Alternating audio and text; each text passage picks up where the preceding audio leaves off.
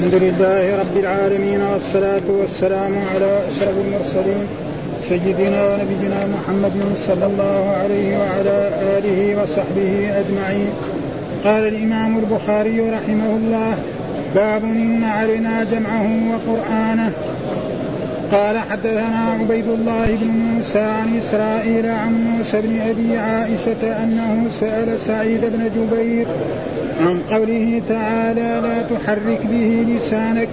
قال وقال ابن عباس كان يحرك شفتيه إذا أنزل عليه فقيل له لا تحرك به لسانك. يخشى أن ينفلت منه إن علينا جمعه أن نجمعه في صدرك وقرآنه أن نقرأه. فإذا قرأناه يقول أنزل عليه فاتبع قرآنه ثم إن علينا بيانه أن نبينه على لسانك باب فإذا قرأناه واتبع قرآنه. قال ابن عباس قرأناه بيناه فاتبع اعمل به. قال حدثنا قتيبة بن سعيد. قال حدثنا جرير عن موسى بن أبي عائشة عن سعيد بن جبير. عن ابن عباس في قوله لا تحرك به لسانك لتعجل به قال كان رسول الله صلى الله عليه وسلم إذا نزل جبريل عليه بالوحي وكان مما يحرك به لسانه مما يحرك به لسانه وشفتيه فيشتد عليه وكان يعرف منه فأنزل الله الآية التي في لا أقسم بيوم القيامة لا تحرك به لسانك لتعجل به. إن علينا جمعه وقرآنه. قال علينا أن نجمعه في صدرك وقرآنه فإذا قرأناه فاتبع قرآنه. فإذا أنزلناه فاستمع. ثم إن علينا بيانه علينا أن نبينه بلسانك قال فكان إذا أتاه جبريل. أطرق فإذا ذهب قرأه كما وعده الله أولى لك فأولى توعد. سورة هل أتى على الإنسان. بسم الله الرحمن الرحيم. يقال معناه أتى على الإنسان وهل تكون جحدا وتكون خبرا. وهذا من الخبر يقول كان شيئا فلم يكن مذكورا. وذلك من حين خلقه من طين إلى أن ينفخ فيه الروح. أمشاج الأخلاق ماء المرأة وماء الرجل. الدم والعلقة. ويقال إذا خلط مشيج كقولك خليط وممشوج مثل مخلوط. ويقال سلاسلا وأغلالا ولم يجر بعضهم مستطيرا ممتدا البلاء والقمطرير الشديد يقال يوم قمطرير ويوم قماطر والعبوس والقمطرير والقماطر والعصيب أشد ما يكون من الأيام في البلاء وقال الحسن النضرة النضرة في الوجه والسرور في القلب.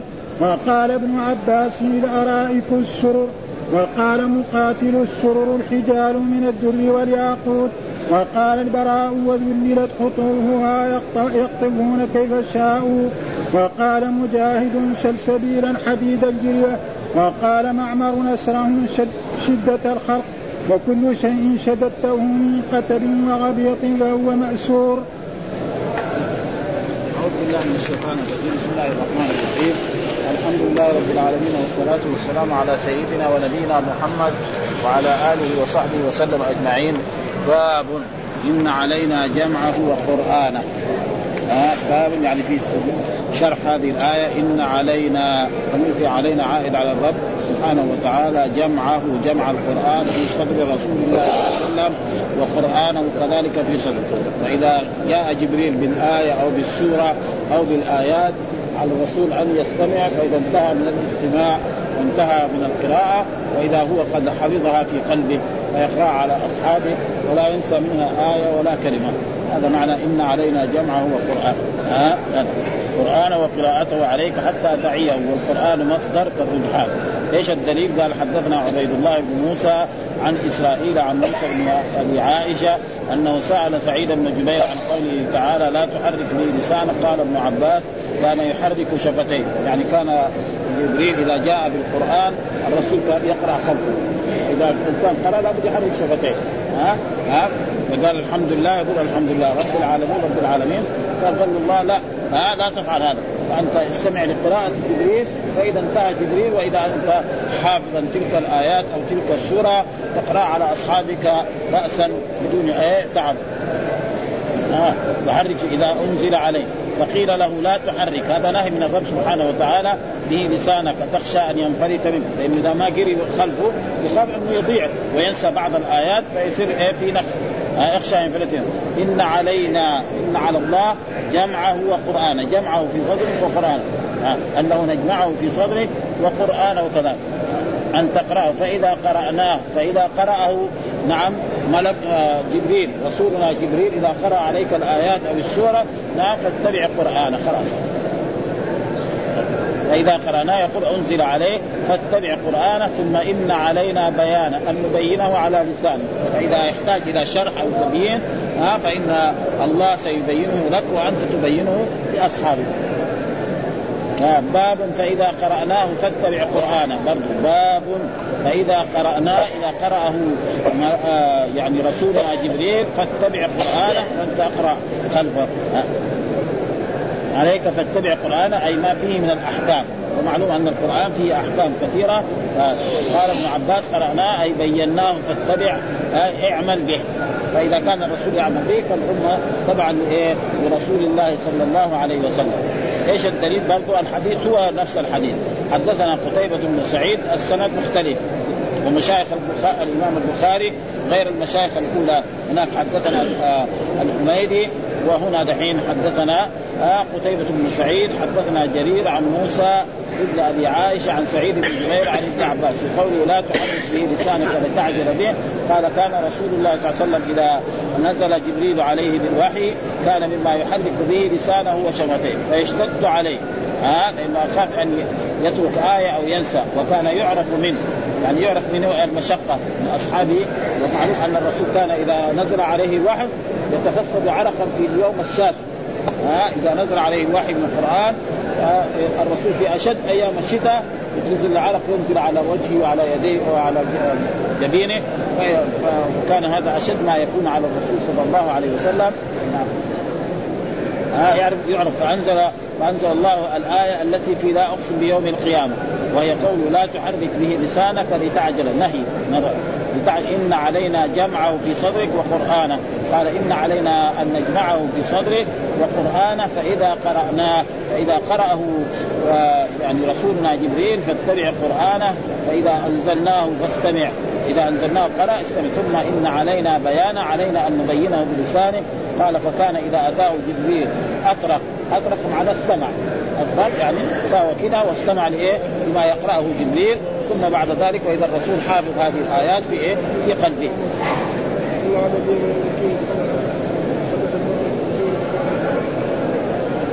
أطرق فإذا ذهب فإذا ذهب قرأه كما وعده الله تعالى. يعني لا ينسى منه ولا آية ولا كلمة ما ينسى من إيه؟ من القرآن. أولى لك فأولى هذا وعيد. أولى لك فأولى يعني وعيد للكفار ومنهم أبي جهل الذي نزلت فيه الآية. أولى لك فأولى. يعني إيه؟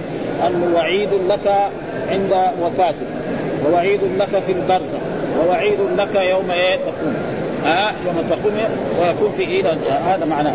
فسره بقوله توعد هذا وعيد من الله تعالى على وعيد آه لأبي جهل وهي كلمة موضوعة للتهديد والوعيد. وقيل أولى من من المقلوب مجاز الويل من الويل كما يقال ما أطيبه و بمعنى الآية. يقول لأنه يقول لأبي جهل الويل لك يوم تجيء.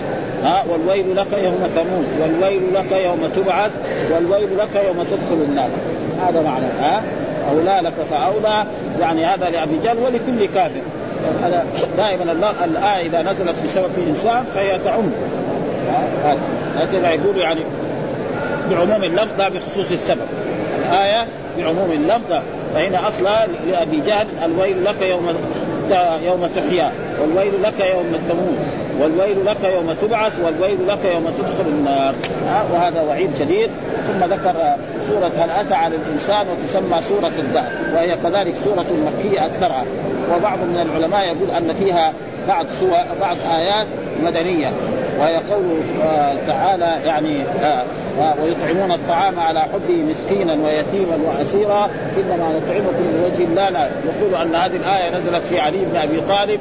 وفاطمة بنت رسول الله صلى الله عليه وسلم فإنهما كانا في بيتهما وكان يعني وكانا صائمين. فجاء مسكين فقال على حبه مسكينا فقال مسكين فأعطوه. جاء واحد قال يتيم فأعطوه. جاء واحد قال أسير فأعطوه. وأصبحوا في المغرب ما عندهم طعام. ها؟ فهذا. والذي يظهر كأنه الايات مكية يعني. هل أتى على الإنسان حين من الدهر لم يكن شيئا مذكورا؟ إنا خلقنا نطفة امشاج نبتليه فجعلناه سميعا بصيرا. يقول هذا تفسير بعض. قال هذا عن الانسان وهي مكية. قال قتادة والسد وسفيان وعن الكلب أنها مكية إلا آيات. ويطعمون الطعام على حبه مسكينا ويتيما واسيرا إلى قوله كم قليلا. ها؟ ويذكر عن الحسن أنها مكية.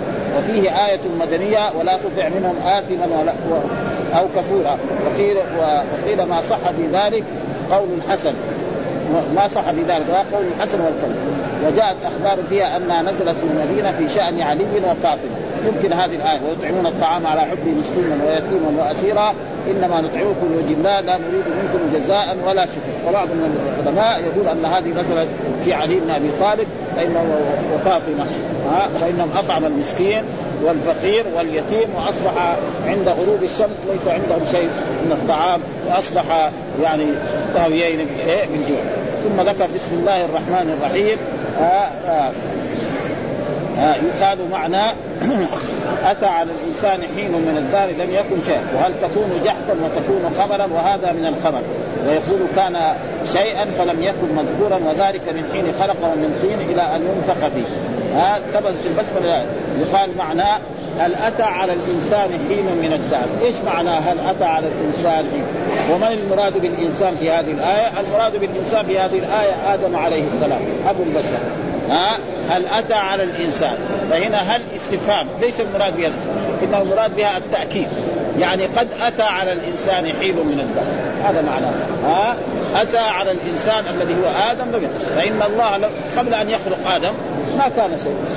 ثم بعد ذلك نعم أول صوره من طين ثم بعد ذلك جلس مده من الزمن من صلصال ثم بعد ذلك نفخ الرب فيه من روحه. وقلنا هذه الروح روح من الأرواح التي خلقها الله. ليست إيه؟ من روح الرب سبحانه وتعالى. قال ونفخت فيه من روحي. روحي هذا واحد. يعني روح الرب؟ لا. ها؟ روح من الأرواح فيقول معناه أتى على الإنسان. ومعنى هل هنا بمعنى قد.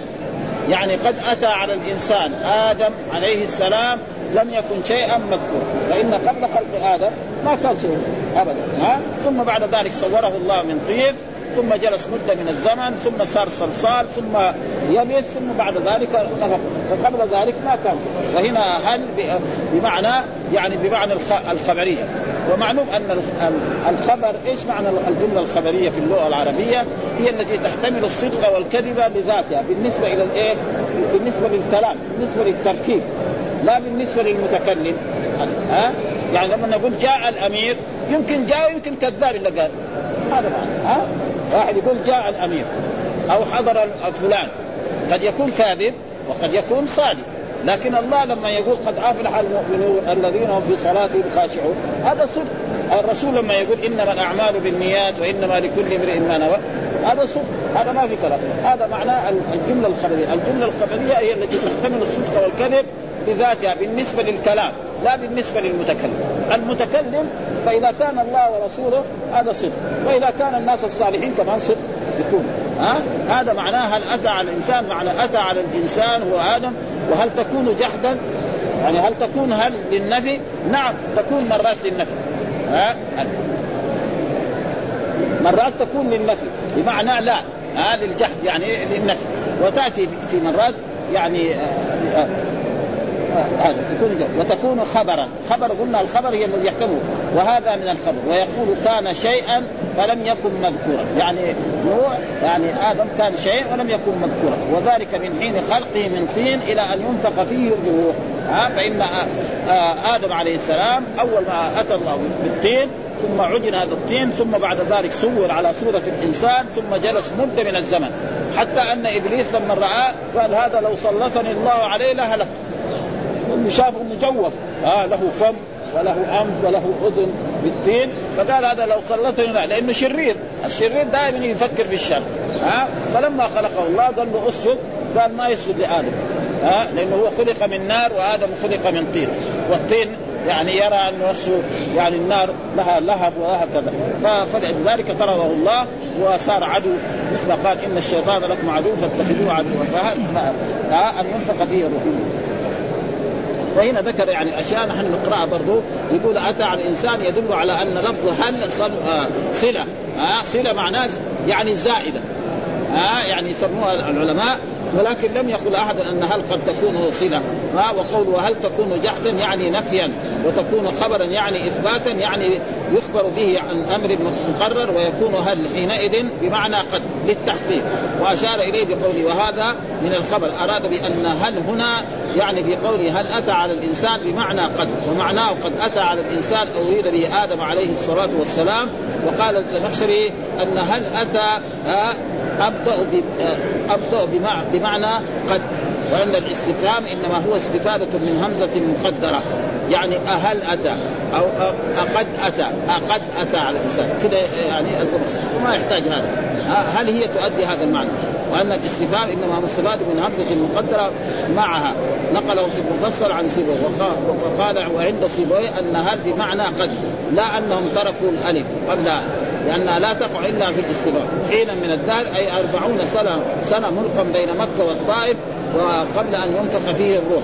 ولم لم يكن شيئا مذكورا أي لا يذكر ولا يعرف ولا يدري ولا يدري ما اسمه ولا ما يراد به. والمعنى إنه كان شيئا لكنه لم يكن مذكورا يعني انتفاء هذا المجموع بانتفاء صفته لا بانتفاء الموصوف ولا حجة فيه للمعتزلة في دعواهم أن المعدوم شيء. ووقع في بعض النسخ قال يحيى معنى أتى على الإنسان إلى آخره. ويحيى هذا ابن زياد ابن عبد الله ابن منصور الديلمي. صاحب كتاب معاني وقال بعضهم هو صواب لأن قول يحيى ابن زياد الفراء دعوى الصواب. غيره لأنه يجوز أن يكون هذا قول غيره. ولم يطلع البخاري على انه قول الفراء ولذلك قال ويقال معناه أو اطلع أيضا على قول غيره. ثم قال أمشاج نبتليه. إيش معنى؟ إنا خلقنا الإنسان من نطفة أمشاج. إنا إنا الضمير في إنا عائد على الرب سبحانه. يعني كأنه معناه يقول إننا ها إن حرف توكيد ونصب ونعلج ثم بعد ذلك واحدة منهم شيلت فصار إن يعني إن الله. هذا معناه. خلي الضمير ظاهر إن الله. ها؟ خلقنا برضو خلق إيه؟ آه يعني الرب سبحانه. الإنسان. الإنسان كل الإنسان. ها؟ كل الإنسان. غير آدم وغير حواء وغير كذلك يعني عيسى عليه السلام. ها؟ من نطفة أمشاج ها ما هي النطفة؟ النطفة هي مني الرجل ومني المرأة. والمرأة لها مني والرجل له مني. بس مني الرجل ماء أبيض نعم سخير يخرج كده بتدفق. وماء الأبيض؟ يقول أصفر رقيق. ها والقرآن ذكر أفرأيتم ما تمنون؟ أأنتم تخلقونه أم نحن الخالقون؟ نحن قدرنا بينكم الموت وما نحن موت. وقال في السماء والطارق وما أدراك ما الطارق النجم الثالث كل نفس لما عليها حافظ. فلينظر الإنسان مما خلق. خلق من ماء دافق دافق هذا ماء, ماء الرجل. يخرج من بين الصلب والترائب. فماء الرجل يخرج من إيه؟ من صلب من ظهر. والمرأة يخرج من ترائبها من تحت ثديها ها؟ فإذا اجتمع هذا هذان الماءان نعم قدر الله. فإذا كان يقول سبق ماء الرجل ماء المرأة صار المولود أشبه بإيه؟ بالأب. وإذا سبق ماء المرأة كان المولود أشبه. وأما كون ذكر أو أنثى فهذا شيء آخر. و... و... والناس الجدد هذول الطب وهذا يقولوا لا أن هناك بويضات في الرحم وأن المني لما يأتي نعم يصيب آه، البويض الأنثى أو البويض الذكر، القرآن ما في هذه الأشياء، ها؟ إنما ذكر. إذا سبق ماء الرجل كان المولود أشبه بأبيه، وإذا سبق ماء المرأة كان المولود أشبه بامها، وهذا معناه قال اشجاجا اخلاط، ماء المرأة وماء المرأة، فإنه يجد الرحم. وهذول يقولوا لا الآن يقول حيوانات مائية منوية يعني كثيرة. ثم بعد ذلك كلها تموت ويبقى إيه؟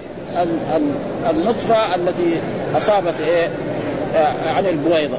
وكل هذه أشياء إنما القرآن ذكر وماء الرجل الدم والعلقة. ها لأنه أول ما يكون نطفة أربعين يوما ثم يكون علقة مثل ذلك. ها ثم بعد ذلك يكون مضغة. ثم بعد ذلك بعد المضغة يكسى. نعم العظام. ثم بعد ذلك ينشأ لحما ثم بعد ذلك يرسل إليه الملك فيأمر فيكتب رزقه وأجله وعمله وشقي أو سعيد. ويمشي كذلك. ولا يتغير هذا ابدا إلا إذا أراد الله الرب سبحانه وتعالى في ليلة القدر. مثل ما قال الله تعالى في آية يمحو الله ما يشاء ويثبت وعنده أم الكتاب. ها؟ وقال أمشاج أي الأخلاق ماء المرأة وماء المرأة المراد بالماء هنا المني ها؟ وماء الرجل. والدم والعلقة. معلوم العلقة هي إيه؟ دم متجمد. إيش العلقة؟ دم متجمد. حتى نشوفه في البرك هو كذلك بعد ما كان مني أبيض يصير إيه؟ علقة. ثم بعد ذلك يكون مضغه ثم يكسى آه عظاما ثم يكسى لحما إذا خلط آه مشيج. مشيج كقولك له خليل وممشوج مثل مخلوط ها وفسر الأمشاج بقوله الأخلاق. والأمشاج جمع مشك مشك بفتح الميم وكسرها. يعني مشك ومشك الأمشاج بناء. جمع في معنى الواحد لأنه نعت للنطق وهذا كما يقال برمة اعشاب وثوب الأخلاق وقول ماء المرأة وماء الرجل تفسير للأخلاق يختلط الماءان في الرحم فيكون منهما جميعا الولد وماء الرجل أبيض غليظ وماء المرأة أصفر رقيق فأيهما على صاحبه كان الشبه. له كذا. وروي عن ابن عباس والحسن وعكرم والمجاهد والربيع قول الدم والعلقة. تقول ثم الدم ثم العلقة ثم المضغة ثم اللحم ثم العظام ثم ينشئه الله خلقا آخر ويقال إذا خلط يعني إذا خلط شيء بشيء. سلاسل وأغلالا. إيش السلاسل وأغلال؟ قال إنا أعتدنا سلاسل وأغلالا. فأعتدنا سلاسل جمع سلسلة والسلسلة سبعون ذراع.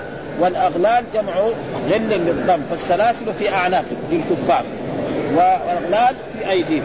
ومعلوم لما يكون الإنسان يده مربوطه وهذا فهذا عذاب أليم. فالسلاسل تكون في الأعناق والأغلال تكون في اليدين. ثم بعد ذلك يطرح في النار على ذلك. وأيديهم والسعير والسعير يوقدون فيه. لا يطفى. وقيل آه وقيل آه وقرأ حمزة وخلف وحفص وابن كثير وأبو عمرو آه بفتح يعني بدون بدون سلاسل سلاسل واغلالا يعني بدون التنوين وهناك قراءة سلاسل واغلالا فلأجل ذلك يعني يجوز إيه منع من الصرف و و و وصرف. واذا سلاسلا هذا مصروف. لأن إيش الاسم المصروف في اللغة العربية؟ الاسم الذي فيه تنوين ها؟ محمد هذا وهذا يسمى اسم منصوب خالد مصروف مثلا إبراهيم ها مساجد هذا يسمى اسم غير مصروف. إبراهيم ها صحراء هذا يسمى اسم غير مصروف فكل اسم فيه التنوين يسمى.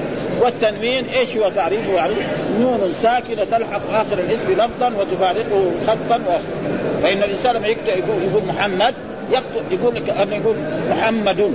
فانك ينطق بعد الدال بإيه؟ بنون، لكن لو واحد قلنا له اكتب محمد وكتب ميم وحاء وميم ودال وكتب نون ما يعرف إملا. ها؟ هذا ها؟ ينطق بالنون ولكن لا يكتب. وفي حالة النص كذلك يقول رأيت محمدا. كذا محمدا لكن ما يكتب نون ها بس في فرق. أن في اللغة العربية أن المرفوع يوقف عليه بالسكون والمجرور يوقف عليه بالسكون والمنصوب يوقف عليه بالألف. كذا قاعد. ها يعني لما يجي في القرآن يقرأ إذا كان مرفوع له أن يقف عليه بإيه؟ بالسكون. ها مثلا. وإذا كان مجرور كذلك ولكن إذا كان منصوب لازم يقول. مثلا إنا فتحنا لك فتحا مبينا. كذا لازم. أما إنا فتحنا لك فتحا مبينا ليغفر لك ما تقدم وما تأخر. وينصرك الله نصرا عزيزا. هذا ما يصح ها؟ لازم نصرا نصرا عزيزا. ولما يجي مرفوع هذا له أن إيه؟ يقف عليه بالسكون. وهذه من جهة أهل التجويد سواء كان في آه. آه. ثم بعد ذلك يقول بضم الياء وسكون الجيم بالراء من الإجراء. أراد به لم يصرف بعضهم سلاسل ها؟ يعني إيه؟ قرأ بإيه؟ بفتح واحدة. والثاني قرا يعني لا يدخلنا فيه التنوين وهذا على الاصطلاح القديم ويقول اسم مجرور واسم غير مجري يعني اسم مصروف واسم لا ينصرف. ها؟ الاسم المصروف الذي فيه التنوين والاسم الذي غير مصروف يسمى هذا. إيش بعد ذلك؟ يقول مستطيرا أي ممتد البلاء. ها؟ يخافون يوما يخافون يوما يخافون يوما من اليوم هذا يوم القيامة. كان شره مستطيرا شره على مين؟ على الكفار. أما المؤمنين لا. هذا هذا اليوم اللي يدور عليه ويسأل عنه. كان شره مستطيرا. فإن المؤمنين يكونون إيه؟ تحت ظل العرش يوم لا ظل إلا ظل. والكفار يلجمهم العرق وينالون من العذاب ثم بعد ذلك يدخلون إلى النار. ها؟ هذا معناه. وفسر بقوله ممتد البلاء وكذا فسره البراء ويقال ممتدا أي فاشيا. يقال استطار الصدع في الزجاجة واستطال إلى والقمطرير الشديد. يقال يوم يوم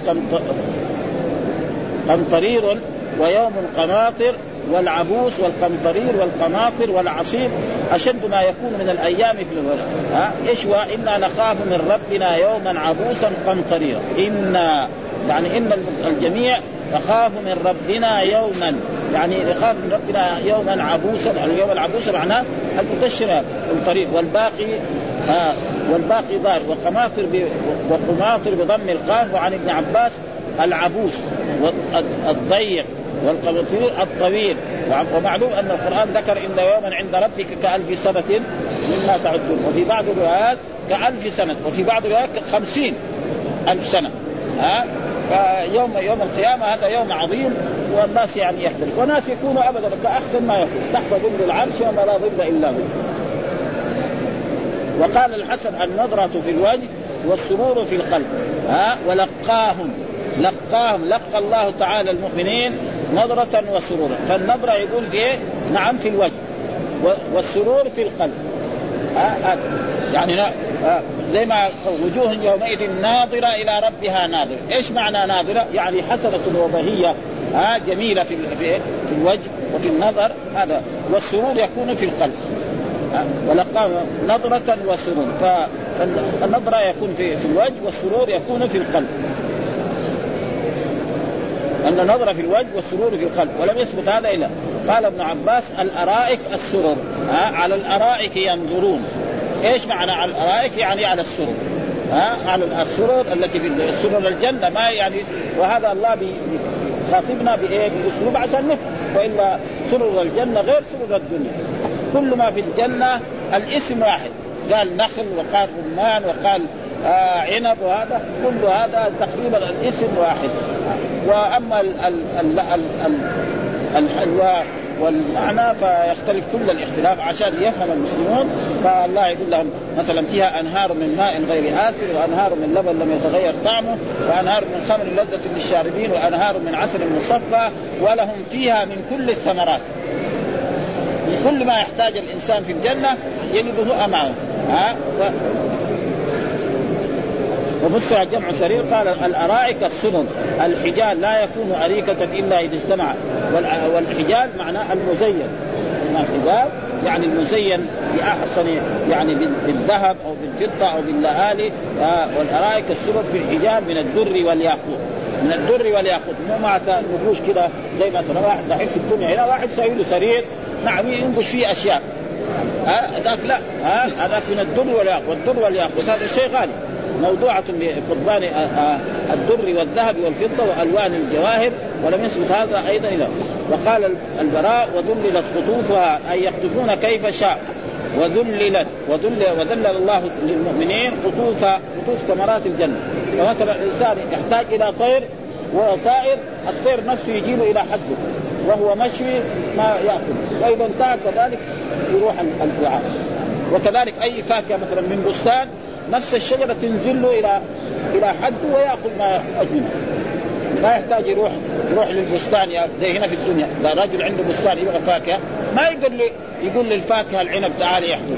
لازم إما هو وإما خادمه يذهب ويقطف العنب ويأتي به. هذا لا في الجنة لا. نفس الشجرة تنزل إليه ويقطف منها ما يشاء ثم ترجع على ما كان. وهذا نعيم الجنة لأنه لا نعيم مثلها ابدا. وذل القطوفة يقطفون كيف شاء وقول القطوفة أي ثمار يقطفون منها قياما وقعودا ومضطجعين يتناولونها كيف شاءوا على أي حال كان. وقال معمر قال إنا خلقناه وشددنا أسرهم إن نحن خلقناهم. نحن خلقناهم وشددنا نحن خلقناهم. نحن الضمير برضه عائد على الرب سبحانه وتعالى. خلقناهم. خلقنا جميع الناس. وشددنا أسرهم. إيش الأسر معناه؟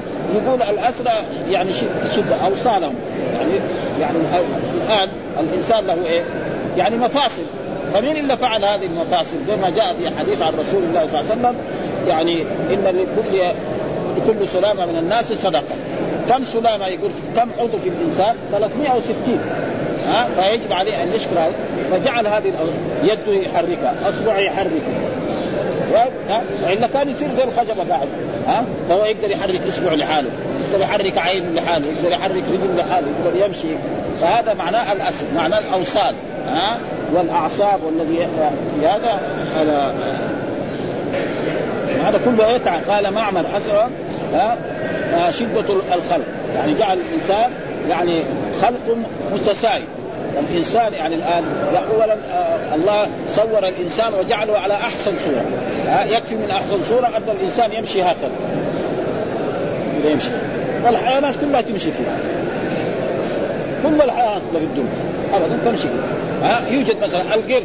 ها برضه لما يجي يمشي كذا يمشي. تارة يمشي كذا لكن لكن باين ها يعني آه. ثم ستره. باشياء من الستر فالإنسان ما له ثم كرمه بالعقل وكرمه بالعلم وكرمه بان جعلهم قال معمر الشد وكل شيء شددته من من قتل أو غبيط فهو مأسور.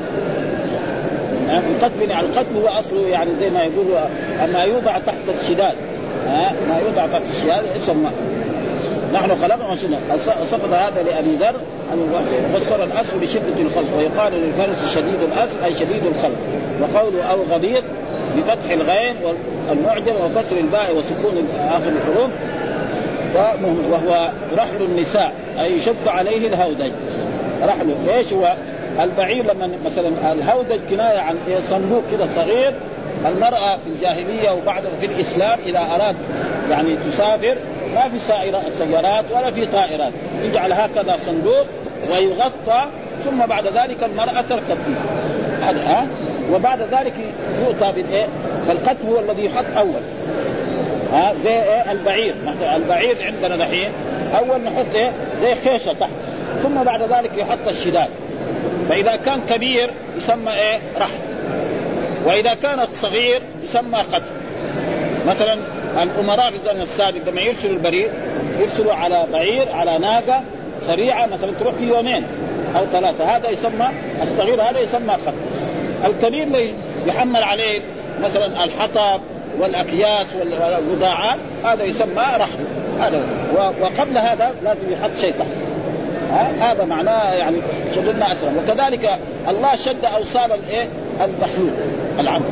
ها؟ البشر هذول شد اوصالهم فجعل فيها أعصاب وجعل فيها يعني عروق يتمكن بعضها من بعض فهذا معناه غبيب وهو رحل النساء يشد عليه الهودج. والجمع والجمع غبط بضمتين. وظن بعض أن معمر بن راشد زعم أن عبد الرزاق أخرجه في التفسير عنه. وقلت يريد به شيخه صاحب التوضيح. فإنه قال بعد قوله وقال معمر. ها إلى آخره. وأخرجه عبد الرزاق عن معمر عن قتادة. وذكره عن مجاهد والظاهر أن معمر ابن راشد لأنه روى عن قتادة أيضا. فالبخاري آه، أخرج في التفسير عن أبي عبيدة معمر بن المثنى في مواضع كثيرة آه، كثير ما يروي وهذا ليه؟ لأنه هو لغوي ها وهذه ألفاظ يعني لغوية فتؤخذ من إيه؟ من اللغة ها وهذول كان مثلا معمر هذا يعني قبل قبل الإمام البخاري ثم ذكر كذلك سورة المرسلات والمرسلات إيش معنى؟ يعني فسره بعضهم بال وهي كذلك سورة مكية. ها المرسلات سورة مكية والمرسلات بدون لفظ سورة وهي مكية بغير خلاف قال ابن عباس ومقاتل وفيها من المدن. وقيل وإذا قيل لهم اركعوا لا يركع. وقال نزلت بعد الهمز الهمزه وقبل قاف. وهي ثمانية وستة عشر حرفا ومئة وإحدى وثمانون كلمة وخمسون. والمرسلات الرياح. إيش المرسلات؟ إيش معنى المرسلات في عرفها؟ الرياح الشديد الشديدات. الهموم. والناشرات الرياح اللينة. ها؟ قول عرفا نصب عن الحال والمرسلات يتبع بعضها بعضا حال كونه كعرف الفرس. وعلى تفسير المرسلات بالملائكة يكون نصبا على التعليل أي لأجل العرف. ها؟ والمرسلات عرفا والعاصفات عصفا والناشرات نشرا. والناشرات يقول الرياح اللينة. والمرسلات الرياح الشديدة الحبوب مثل ما يحصل فيها بعد ذلك قال كذلك وأشار بقوله جمالات اي أي حبال. ها إنها ترمي بشرر كالقصر كأنه جمالات صفر كأن إنها ترمي إنها اي إن النار. ها ترمي بشرر كالقصر. يعني الشرر حقها مثل القصر المرتفع العالي. معناه شيء يخيف هذا ها؟ الواحد لو شرر قد كذا يعني تزعج الإنسان. فهذا لا شررها و... ونارها آه ولها يعني سلاسل تقاد معروف. ها؟ هذه جهنم التي كنتم بها تكذبون وتوفون بينها وبين حميم آن إلى غير ذلك. فهذا معناه الجمالات بالحبال وهي الحبال التي تشد بها السفن ومعلوم أن السفن دائما لها حبال إذا جاءت في الميناء تربط عشان لا يجر ريح يجرها والبادية إلى أي جهة من الجهات لا هذا وأما إذا قرئ بالكسر فهو جمع جمالة جمالة وجماله جمع جمل أي زوج الناقه ها؟ زوج الناقه يعني الجمل هذا المذكر والناقة الأنثى. ومعلوم أن الله خلق فيما شاء من ذكر وانثى زي ما يقول في بعض الآيات من زوجين ومرات يقول صنفين إلى غير ذلك هذا. قال ابن عباس ينبغي أن يقرا في الأصل بالضم لأنه فسر بالحباب قال مجاهد في قوله حتى يلج الجمل في سم الخياط. هو حبل السفينة. حتى يلج الجمل في سم الخياط. سم الخياط معناه الإبرة. ها؟ يعني يمكن واحد يدخل جمل في في إبرة؟ مستحيل. هذا طيب ها؟ مهما كانت خصوصا إذا كان حبل زي حبل السفينة يعني. حبل السفينة شيء كبير هذا مخيف ها؟ هو الحين الإبرة يعني الخيط الكبير ما يقدر يدخل في الإبرة الصغيرة جدا. فما بال ذلك جمالات وسم وحبال ويجمع بعضها على بعض حتى تكون كالاوساط كاوساط الرحال. ويركعوا أي صلوا لا يركعون لا يصلون. وإذا قيل لهم وإذا قيل للكفار المشركين اركعوا لا يركعون وفسر اركعوا بقوله صلوا. وهذا موجود أن الكفار لا يصلون والله قال عنه في آية من آيات الكتاب وما كان صلاة إلا إلا مكاء وتصدية وذوقوا العذاب. ما كان صلاة عند إلا مكاء. المكاء معناه التصفير والتصدية يصفر كده هذه ما تصلى تسمى صلاة ها؟ كذلك الصلاة التي توجد الآن عند النصارى وعند اليهود لا تسمى صلاة بالنسبة إلى الصلاة لأن القرآن دائما يقول لليهود اركعوا مع الراكعين ها؟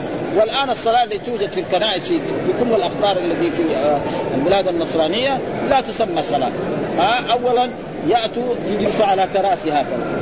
ثم في إيه؟ موسيقى.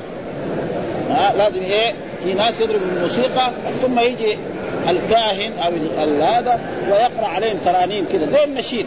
أشبه بالنشيد اللي يسووه المدارس أو الاغاني هذا هذه صلاة صلاة المسلمين الآن في جميع البلاد الإسلامية يعني صلاة أبدا. فيها تكبير وفيها ركوع وفيها سجود وفيها تسبيح وفيها ذلك ثم ما في أي صوت. مثلا الإنسان يأتي للمملكة العربية السعودية أو لأي مساجد المسلمين في أي بلد. ها مثلا في مكة. يعني الناس يكونوا في صلاة أو في هذا المسجد. فيها مثلا نصف مليون أو مليون ولا كأنه في أحد في المسجد. هذه صلاة. أما صلاة فيها فيها نشيد ما ما هي صلاه فكلها تقريبا ولذلك كل ما عليه الناس النصارى واليهود لا يسمى عبادة. ابدا. ها؟ ابدا. ثم صلاة ما فيها سجود. يعني الصلاة الموجودة يعني شوف بعض اخواننا يمكن رأى الكراسي. ما فيها سجود. بس يجلس على الكراسي ويقرأ هذه الترانيم ثم بعد ذلك يخرجون. ها؟ والقرآن يقول إيه؟ نعم اركعوا الركعه ها؟ اسجدوا آه مثلا في في آيات في السجود كذلك موجود آيات يعني إلى غير ذلك فإذا كلها لا تسمى فإذا لازم الصلاة تكون مثل هذه الذي عرفها الإسلام وهو يعني افتتاحها بالتكبير وتحليلها التسليم. ولذلك الرسول صلوات الله وسلامه عليه علم الناس الصلاة قولا وفعلا. مرة ها بالقول مثلا حديث المسيء صلاة وبالفعل هو صلى خلف جبريل وجبريل آه الرسول يراه والصحابة يرون جبريل آه يرون الرسول وصلى بهم وعلمهم الصلاة. ومره علمهم كذلك الصلاة على المنبر. يكبر الرسول على المنبر فإذا أراد يركع يركع على المنبر فإذا أراد يسجد ينزل القهقره ويسجد في أسفل يعني حتى انتهى الصلاة. وهكذا واجب كان المسلمين يعلمون أولادهم في المدارس وفي غير ذلك الصلاة يعني تمام. أما مثلا في بعض دحين يعني فرق إسلامية يقول لك صل بس. طيب كيف يصلي؟ ما يبينون. ها فهذا كلام ما هو صحيح. ها فيجب أن يصلي الإنسان. مثلا هو كيف يصلي؟ لازم يبين له كيف الصلاة، كيف يكبر، كيف يرك... كيف يقرأ، كيف يقرأ الفاتحة، كيف يركع، كيف يسجد حتى يكون. ها أما صلي كذا ها ويعني يوجد الآن أهل التبليغ هذول. يعني عندهم نشاط، إحنا ما ننكر نشاطهم، لكن ما يشرحوا كيف، ليه؟ عشان لا يدخلوا في المذاهب. كيف يصلي؟ هل يصلي على مذهب الإمام أبو حنيفة أو على مذهب الإمام الشافعي أو على مذهب؟ فيقول صلي. بس شاطرين. مثلا رجل كان مثلا يرتكب بعض الآثام يجروه من إيه؟ من الحانة الخمر إلى المسجد. يجي يصلي. لكن كيف يصلي؟ وما يعرف. هل يقرأ الفاتحة أو لا يقرأ؟ ما له شغل فيه. إذا حب ما يقرأ بس يركع ويسجد والسلام عليكم هذا ما يكفي هذا هذا يا غلط. لازم يقول له إيه؟ لازم تقول بسم الله الرحمن تقول سبحانك اللهم وبحمدك وتبارك اسمك وتعالى جدك وتقول أعوذ بالله من بسم الله. هذا كله ما يبحثون. بس صلي خلاص. وهذا على كل حال قصور يعني. تقول لهم ليش؟ يقول لك نحن نحن مننا علماء؟ العلماء هم يبينوا طيب متى يتعلم هذا؟ برضو هذا فيه قصور. فيجب على الدعاة أن يبينوا كل ما يتعلق بالدين. أما يبينوا شيء ويتركوا شيء فهذا ما هو من من الصواب. ولذلك قال الطعن على الراكعين لا يرتعون. سقطا وسئل عن عباس في قوله هذا يوم لا ينطقون. والله ربنا ما كنا مشركين. اليوم نختم على أفواههم. قال إنه ذو ألوان. مرة ينطقون ومرة يختم على سئل ابن عباس الذي يحبر الأمة وترجمان القرآن يقول هذا المراد بهذا يوم يعني يوم القيامة هذا يوم لا ينطقون الله يقول هذا يوم لا ينطق. يعني ما حد يتكلم في ذلك اليوم. ها؟ طيب وفي وفي آية أخرى يقول نعم والله ربنا ما كنا مشركين. هذا معناه إيه؟ تكلم. القرآن ما يتناقض. أول يقول هذا يوم لا ينطقون وهنا يقول والله ربنا ما كنا معناه تكلم قال والله ربنا ما كنا. ها؟ فإيش يا حبر الامه وترجمه بين لنا اذا كيف نجمع بين الآيات؟ ها؟ قال إنه ذو ألوان أن يوم القيامة ذو ألوان. مرة يسمح لهم يتكلم مرة لا يسمح لهم. مرة يقول يوم نختم على أفواههم وتكلمنا أيديهم وتشهد أرجلهم ما كان فيوم القيامة له أحوال. مرة يسمح للكافر وللمشرك أن يجادل عنه. مرة لا يسمح له. فيصير الآيات يعني تنطبق بعضها على قال سئل هذا يوم لا ينطقون. هذا يعني لا يتكلمون يوم القيامة. والله ربنا ما كنا مشركين. معناه أنهم نفوا أنهم كانوا مشركين. اليوم نختم على أفواههم وتكلمنا أيديهم. فقال إنه ذو ألوان. يعني يوم القيامة مرة ينطقون ومرة يخدم عليه. والله ربنا ما كنا. تدل على أنهم ينطقون. حاصل الجواب أن يوم القيامة ذو ألوان يعني يوم طويل ذو مواطن مختلفة. ينطقون في وقت ومكان ولا ينطقون في آخر وقوله لا يرفعون لم يثبت إلا بأخر ثم ذكر الحديث حدثنا محمود حدثنا عبيد الله عن إسرائيل عن منصور عن إبراهيم عن علقمة عن عبد الله. والمراد به عبد الله بن مسعود. قال كنا مع رسول الله صلى الله عليه وسلم وأنزلت عليه والمرسلات عرفا. ها؟ وإنا لتلقاها من فيه فخرجت حية فابتدرناها فسبقتنا فدخلت جحرها. فقال رسول الله وقيت شركم وكما وقيتم شرها. المحلى والمرسلات. يعني لما نزلت سورة المرسلات على رسول الله صلى الله عليه وسلم وكانت في مكة ها وكان عبد الله بن مسعود من المؤمنين أسلم خليما ف... وإنا لنتلقى يعني الرسول يقراها علينا ونحن نحفظها ها المرسلات عرفا فالعاصفات عصفا والناشرات عشرا إلى آخر السوره وإذا في بعض الروايات أنهم كانوا في منى كان الرسول وأصحاب هؤلاء في منى ها وإذا تخرج حيا من جحرها فلما دلهم الرسول يعني اقتلوها فقاموا يقتلوها وإذا دخلت في جحرها. ما استطاعوا إيه؟ فكلم الرسول نعم وقيت شركم ووقيتم شرها لأنه هي لو كان أنتم حصلتوها كان تقتلوها. وهي لو حصلت واحد ولدغته يمكن تقتله. ها أو توجعه. فلذلك قال له آه الشاهد الذي له علاقة بالسورة أن المرسلات هذه نزلت في مكة. وكان الرسول في في يعني هم الرسول يخرجها أصحابه الذي هو من عبد الله بن مسعود فخرجت حية فابتدرناها يعني كل واحد لأنه جائز قتل الحية في أي مكان. كما جاء في الأحاديث الصحيحة خمس مرت عليه المرسلات فتلقيناها من من تيه يعني من فمه. ها من تيه يعني من فمه. ومعلومه فيه من الأسماء الخمسة يجر بالياء نيابة عن الكسرة. ها ها وإلا اصله من فمه. فإذا حذفنا الميم يصير من الأسماء الخمسة التي ترفع بالواو وتنصب بالألف وتجر تقول هذا فوه ورأيت فاه ونظرت إلى فيه. وإذا جاءت الميم يعرف بالحركات تقول هذا فم ورأيت فما ونظرت إلى فم.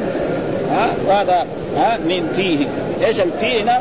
يعني من الأسماء الخمسة مجرور بالياد ها؟ ليس يعني واحد قال وأن فاه لرطب يعني فاء قراءة الرسول يعني رطب يعني جميلة وحسنة. اذا إذ خرجت يعني حين خرجت حية فقال عليكم يعني إيه؟ اقتلوها ها؟ عليكم اقتلوها. قال فابتدرناها فصدقتنا. قالت فقالت فقال وقيت وقيت شركم ووقيتم شرها ها؟ يعني لو وجدتوها لقتلتوها ها؟ فهي لما دخلت جهرها سلمت منكم. وأنتم لو لدغت واحد منكم قد يموت يمكن. ها؟ فلأجل ذلك وهذا جائز قتل هذه الحيات سواء في الحل أو في الحرم إلى غير ذلك. باب قول إنها ترمي بشرر كالقصر برضو يعني عن النار. ها؟ إنها جهنم ترمي بشر وهي ما يتغير من النار إذا التهبت واحدها شررة. قوله كالقصر عن ابن مسعود كالحسود يعني إيه؟ كالبيت المرتفع منه. شيء يخيف هذا. أعاذنا الله منها إن شاء الله. وهي حزم وواحد والقصور. وعن مجاهد وهي حزم الشجر. يعني الشجر إيه؟ المحزوم عن بعضه على بعض. وعلى كل حال هذا وحدثنا محمد بن بشار محمد بن كثير. أخبرنا سفيان حدثنا عبد الرحمن. قال سمعت ابن عباس يقول إنا ترمي بشر كالخلق قال كنا نرفع الخشب بقصر ثلاثة أذرع أو أقل فنرفعه للشتاء فنسميه القصر. يعني معلوم أن الأبنية التي كانت في الزمن السابق أبنية متواضعة يعني أشبه بالقبور. بناء كذا يعني الواحد يكن يمنع من من الحرارة ومن البرد. مو زي دحين ها؟ الناس الآن يبنوا يعني يبنوا له قصر كبير فيه كذا شقق وفيه كذا طبقات هو ساكن في واحد والباقي فيه الشياطين. ما في أحد. ها؟ ها؟ وهذا كانه جمالة صم. آه برضه يعني كانه جمال آه كأن الشرر آه ومر الكلام.